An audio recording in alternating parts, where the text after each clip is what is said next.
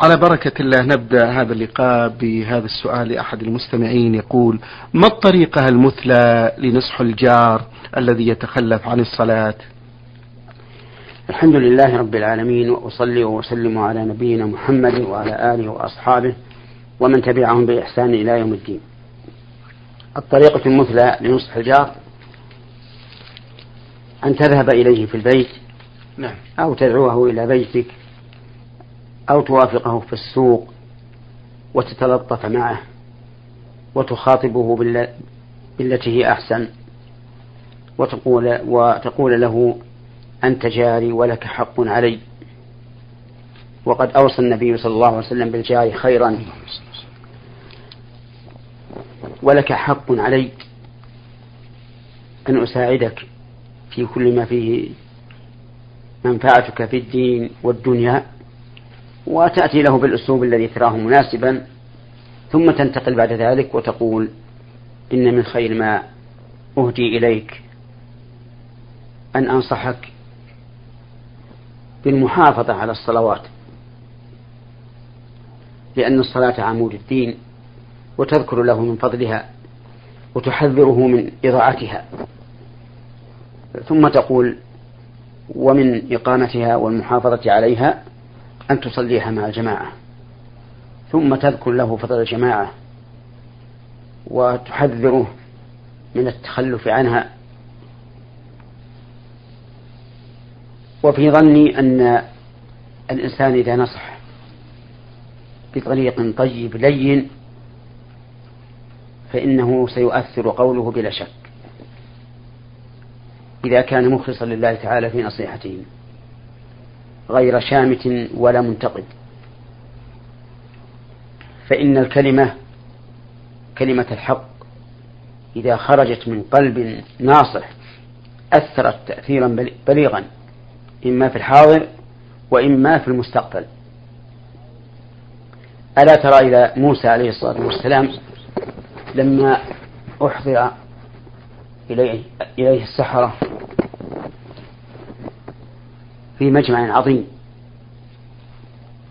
قال لهم موسى ويلكم لا تفتروا على الله كذبا فيسحتكم بعذاب وقد خاب من افترى. قال الله تعالى فتنازعوا أمرهم بينهم. يعني حل بينهم النزاع في الحال. لأن الفاء في قوله فتنازعوا تدل على الترتيب والتعقيب.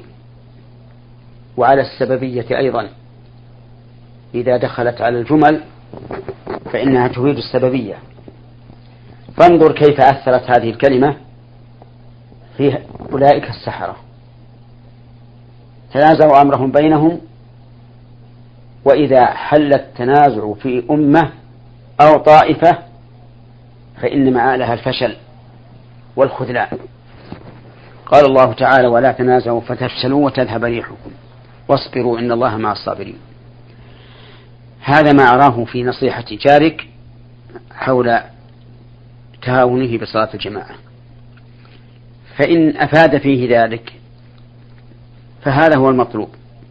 وإن لم يفد فإن عليك أن ترفع الأمر الأمر إلى الجهات المسؤولة وبذلك تبرأ ذمتك. نعم. أحسن الله إليكم الشيخ هذا سوداني من الخرطوم يقول أصبت في حادث في عام مضى ومكثت بعض الأيام خمسة أيام لا أصلي فيها علما بأنني كنت في تعب ولم أتذكر آه، ولم أتذكر تلك الأيام ولم أتذكر تلك الصلاة أو خلاف ذلك لأنني كنت في غيبوبة وتعب ولا أستطيع استعمال الماء أو التيمم فأفيدوني. هل أقضي تلك الأيام الخمسة؟ إذا كان المريض أو المصاب بحادث في إغماء وغيبوبة أو اختلال فكر فإنه لا قضاء عليه. سواء طالت المدة أم قصرت. لأن المغمى عليه ومن تغير فكره غير مكلف. فلا يلزمه القضاء لا قضاء الصوم ولا قضاء الصلاة. فلو أن إنسانا أصيب بحادث في, في رمضان وأغمي عليه أياما فإنه لا يلزمه القضاء. وقال بعض أهل العلم بل يلزمه القضاء لأنه من أهل التكليف في الجملة. والذي يظهر أنه لا قضاء عليه لا في الصيام ولا في الصلاة. هذا إن كان الإغماء بغير فعل بغير فعله. أما إذا كان الإغماء بفعله كالبنج وشبهه فإنه يلزمه القضاء لأنه هو الذي تسبب لفقد الوعي فيلزمه القضاء. نعم. أحسن الله إليكم.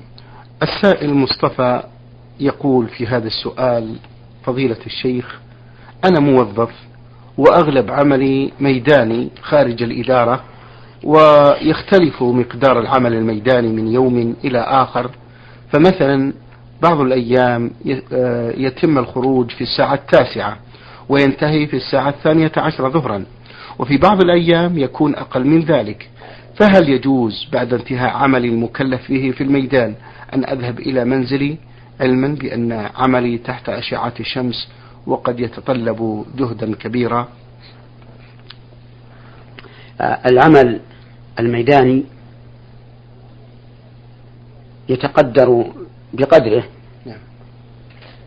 فإذا وكل إليه أن يعمل عملا ميدانيا ثم أنهاه بساعة أو ساعتين فإن بقية الزمن يكون له. يذهب إلى بيته يذهب إلى صديقه يذهب إلى المسجد يذهب إلى ما شاء. لأن العمل الميداني قد تطول مدته وربما تكون مدته أكثر من العمل الزمني. وقد تقل لأن المطلوب من العامل أن يأتي بهذا العمل بقطع النظر عن مدته. ولكن يجب أن نعلم أنه لا يجوز للإنسان أن يخل بالعمل الموكول إليه من أجل إنجازه بسرعة بل يجب عليه أن يجتهد غاية الاجتهاد في إقامة هذا العمل على الوجه المطلوب. نعم. أحسن الله إليكم. آه السائلة هم أسماء من المدينة النبوية تقول امرأة طلقها زوجها دون أن يسمعها شيء. أو يخبرها بهذا الطلاق. هل هذا الطلاق صحيح؟ الطلاق صحيح إذا نطق به. أما إذا أمره على قلبه أو فكر فيه أو عزم عليه فإنه لا يقع. لكن إذا نطق به وقع سواء كانت الزوجة تسمع أم لا أم لا وسواء سمعه أحد أم لا. ما دام قد نطق به وقال مثلا زوجتي طالق فإنها تطلق لأنه تلفظ به وقد قال النبي صلى الله عليه وعلى آله وسلم إنما الأعمال بالنيات وإنما لكل امرئ ما نوى أما لو فكر فيه أو عزم عليه أو أمره على قلبه بدون أن ينطق به لسانه فإنه لا لا يقع الطلاق. نعم. هل يجوز لهذه المطلقة أن تخرج لزوجها وأن تتحدث معه في وقت العدة؟ إذا كانت هذه الطلقة الأولى على غير عوض أو الثانية على غير عوض فإن لها أن تتحدث إليه وأن تجتمع به وأن تتجمل له لأنها زوجة ما دامت في العدة. قال الله تبارك وتعالى والمطلقات يتربصن بأنفسهن ثلاثة قروء ولا يحل لهن أن يكتمن ما خلق الله في أرحامهن إن كن يؤمن بالله واليوم الآخر وبعولتهن أحق بردهن في ذلك. فقال بعولتهن أي أزواجهن أحق بردهن في ذلك أي في ذلك الوقت الذي هو وقت العدة. ولهذا قال العلماء رحمهم الله إن المطلقة الرجعية في حكم الزوجات إلا في مسائل استثنوها. نعم. أحسن الله إليكم. هذه السائلة التي رمزت لاسمها بعين ميم عين تقول ما رأيكم في آه، غطاء الوجه والكفين؟ هل هو ضروري للمرأة؟ وإذا لم تغطي المرأة الوجه والكفين هل تحاسب بأنها عورة؟ القول الراجح من أقوال العلماء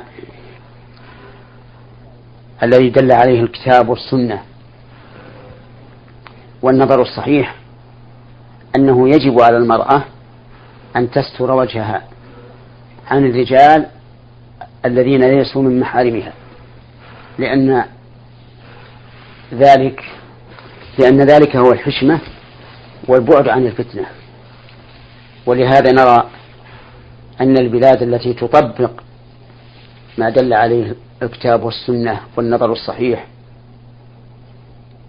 فتغطي المرأة وجهها نجد أن هذه البلاد أبعد البلاد عن الفتنة وأسلمها من الشر.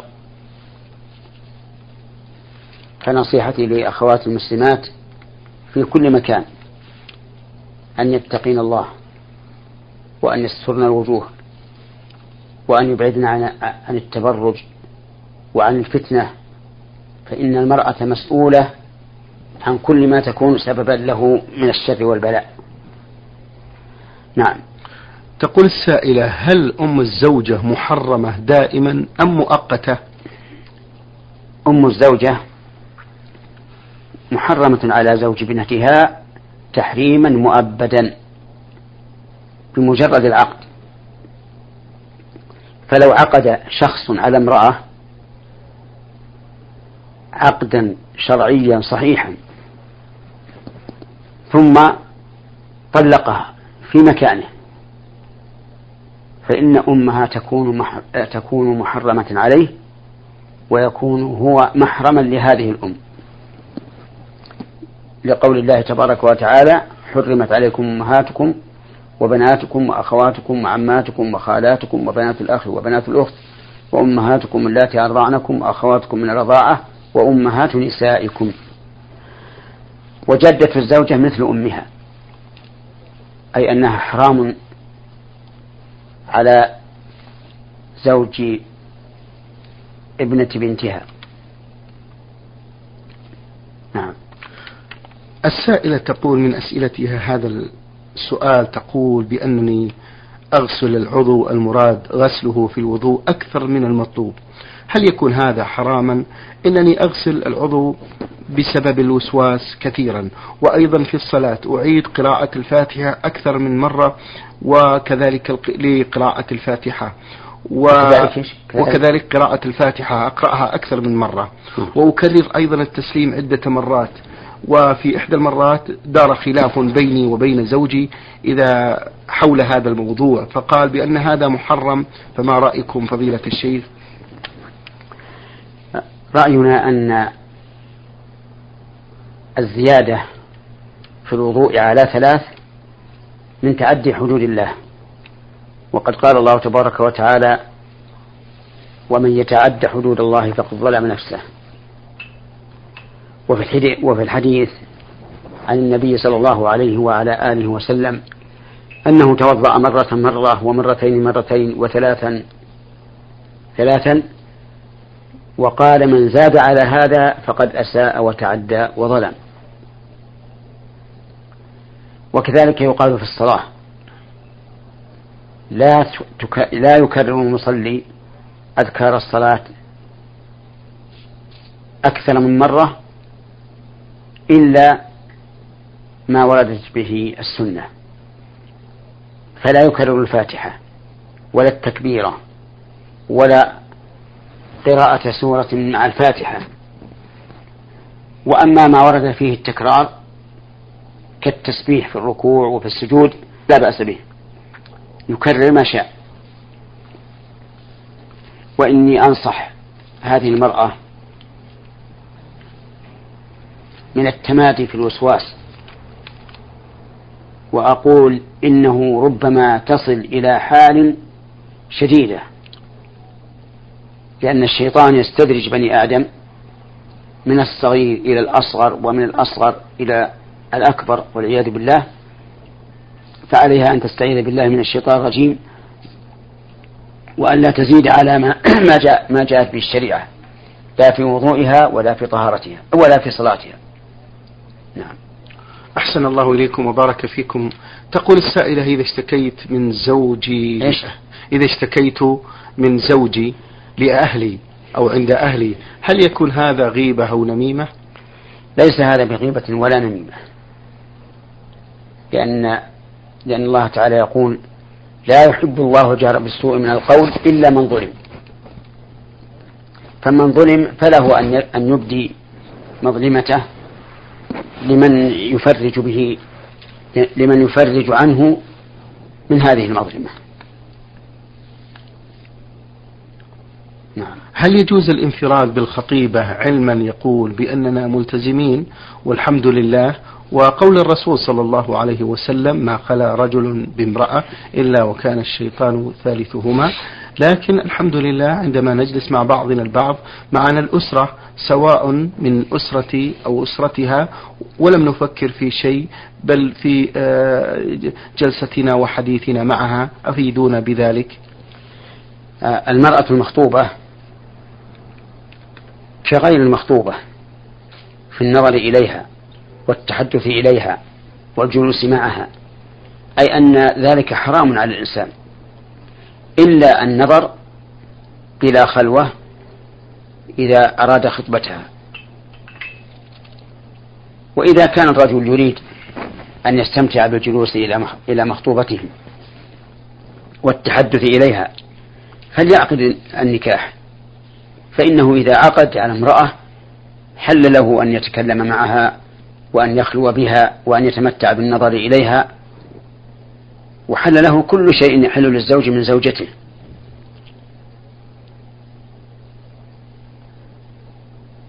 فأما أن ينفرد بالمخطوبة ويقول أنا ملتزم وهي ملتزمة فإن هذا من غرور الشيطان وخداعه لأن الإنسان مهما بلغ في العفة لا يخلو من مصاحبة الشيطان إذا إذا خلا بالمرأة. لا سيما وأنها مخطوبته وأنه يعتقد أنه بعد أيام قلائل تحل له. فإن الشيطان يجري من ابن آدم مجرى الدم. وخلاصة القول أنه يحرم على الخاطب أن يتحدث مع مخطوبته في الهاتف أو يخلو بها في مكان أو يحملها في سيارته وحده أو تجلس معه ومع, ومع أهله وهي كاشفة الوجه. نعم. أحسن الله إليكم. السائل عبد الباسط من جمهورية مصر العربية له مجموعة من الأسئلة يقول فضيلة الشيخ يوجد بجانبنا مسجد يبعد عنا كيلو ولا نصلي فيه إلا صلاة الجمعة ويصلي فيه التلاميذ صلاة الظهر وبعض المارة يصلون فيه صلاة العصر. هل تجوز الصلاة فيه؟ نعم ما ما تجوز الصلاة في هذا المسجد ما دامت الجماعة تقام فيه. لكن المسجد في, في لكن الصلاة في مسجد تقام فيه جميع الصلوات أفضل. إلا أن هذا المسجد الذي أشار إليه السائل إذا كانت الجماعة لا تقام إلا بحضوره فإن حضوره أفضل. نعم. يقول هل يجوز وصل صلاة الوتر والشفع مع بعضها البعض علما بأن هناك شخص بجانبي يفعل ذلك دائما وجهون في ضوء ذلك؟ نعم إذا الوتر له صفات متعددة. نعم. الصفة الأولى أن يوتر بركعة واحدة. والصفة الثانية أن يوتر بثلاث. والصفة الثالثة أن يوتر بخمس. والرابعة أن يوتر بسبع. والخامسة أن يوتر بتسع والسادسة أن يوتر بإحدى عشرة. فإن أوتر بواحدة فالأمر ظاهر. إذا انتهى من صلاة الليل وخش الصبح أو صلى ركعة فأوترت ما صلى. وإذا أوتر بثلاث فهو مخير. إن شاء وصلها جميعا بتشهد واحد. وإن شاء صلى ركعتين ثم أتى بواحدة. فكل ذلك سنة. وإن أوتر بخمس فإنه يسردها ولا يتشهد إلا في آخرها. وإن أوتر بسبع فإنه يسردها ولا ولا يتشهد إلا في آخرها. وإن أوتر بتسع فإنه يسجد ثمانيا ثم يجلس ويتشهد ولا يسلم. ثم يقوم فيأتي بالتاسعة ويتشهد ويسلم. وإن أتر بإحدى عشرة فإنه يصلي ركعتين ركعتين ويختم بركعة. وعلى هذا يتبين جواب السائل وأنه إذا أوتر بثلاث فإن شاء سلم من ركعتين ثم أتى بالثالثة وإن شاء قرنها جميعا لكن بتشهد واحد ولا يجعلها مثل صلاة المغرب. نعم. أحسن الله إليكم. هل صحيح أن الإنسان الذي يموت يكون إما في سجين وإما في عليين؟ جزاكم الله خيرا. نعم. هكذا جاءت به السنة أن الله سبحانه وتعالى يقول في الرجل الفاجر اكتبوا كتاب عبدي في سجين في الأرض السابعة السفلى. وإذا كان من الأبرار قال اكتبوا كتاب عبدي في عليين وهكذا في الآخرة. الناس إما في سجين وإما في عليين يعني إما في الجنة وإما في النار. قال الله تبارك وتعالى ويوم تقوم الساعة يومئذ يتفرقون. فأما الذين آمنوا وعملوا الصالحات فهم في روضة يحبرون. وأما الذين كفروا وكذبوا بآياتنا ولقاء الآخرة فأولئك في العذاب فأولئك في العذاب محضرون. وقال الله تبارك وتعالى فريق في الجنة وفريق في السعير. وإنني بهذه المناسبة أنبه على مسألة يقولها بعض الناس وهم لا يشعرون وهي أنهم إذا تحدثوا عن شخص مات قالوا ثم نقل إلى مثواه الأخير يعنون بذلك القبر. وهذا غلط واضح لأن القبر ليس هو المثوى الأخير. بل المثوى الأخير إما الجنة وإما النار. أما القبر فإن الإنسان يأتيه ثم ينتقل عنه. وما مجيئه في, في القبر إلا كزائر بقي مدة ثم ارتحل. وقد ذكر أن بعض الأعراب سمع قارئا يقرأ قول الله تعالى ألهاكم التكاثر حتى زرتم المقابر. فقال هذا الأعرابي والله لنبعثن لأن الزائر ليس بمقيم. ولهذا يجب الحذر من إطلاق هذه الكلمة يعني القول بأنه انتقل إلى مثواه الأخير لأن مضمونها إنكار البعث وأنه لا بعث ونحن نعلم أن المسلم إذا قالها لا يريد هذا المضمون لكنها تجري على لسانه تقليدا لمن قالها من حيث لا يشعر. فالواجب الحذر منها والتحذير منها.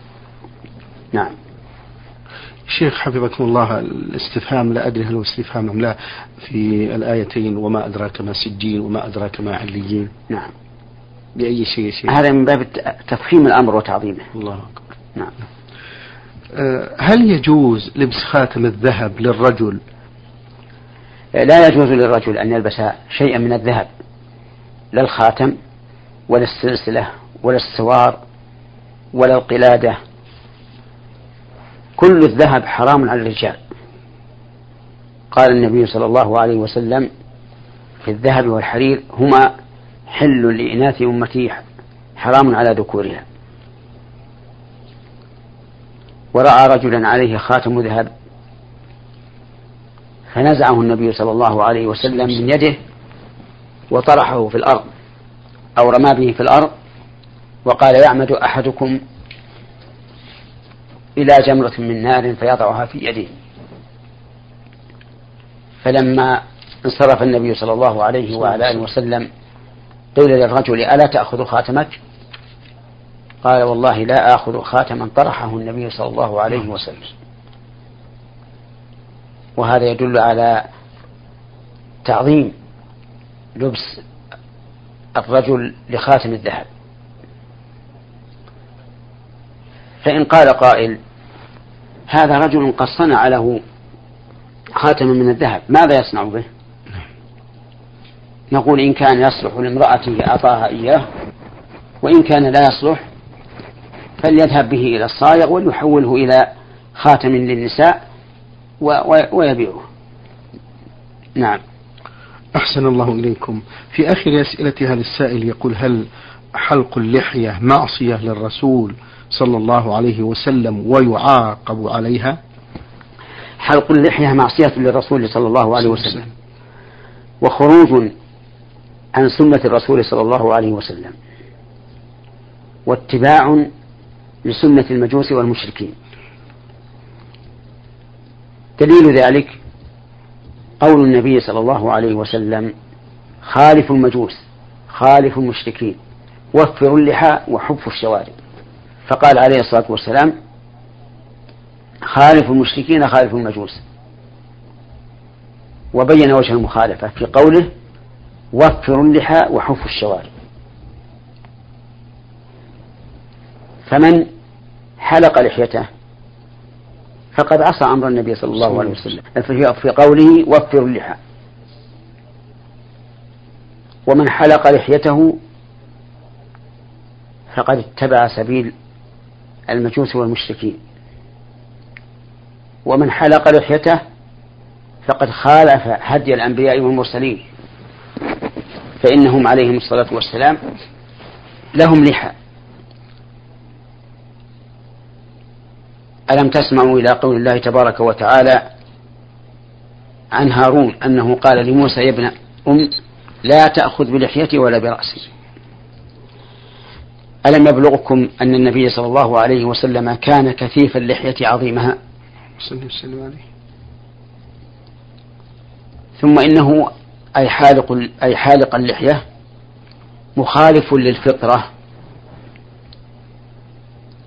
لأن النبي صلى الله عليه وسلم أخبر أن إعفاء اللحية من الفطرة. وعلى هذا فيكون حالق لحيته واقعا في هذه المحاذير الأربع الأربعة. مخالفة هدي الأنبياء والمرسلين موافقة هدي المجوس والمشركين معصية الرسول صلى الله عليه وسلم مخالفة الفطرة التي فطر الله الناس عليها. فعلى الذين ابتلاهم الله بذلك أن يتوبوا إلى الله تعالى بصدق وإخلاص وأن لا يصروا على ما فعلوا وهم يعلمون. شكر الله لكم يا فضيلة الشيخ وبارك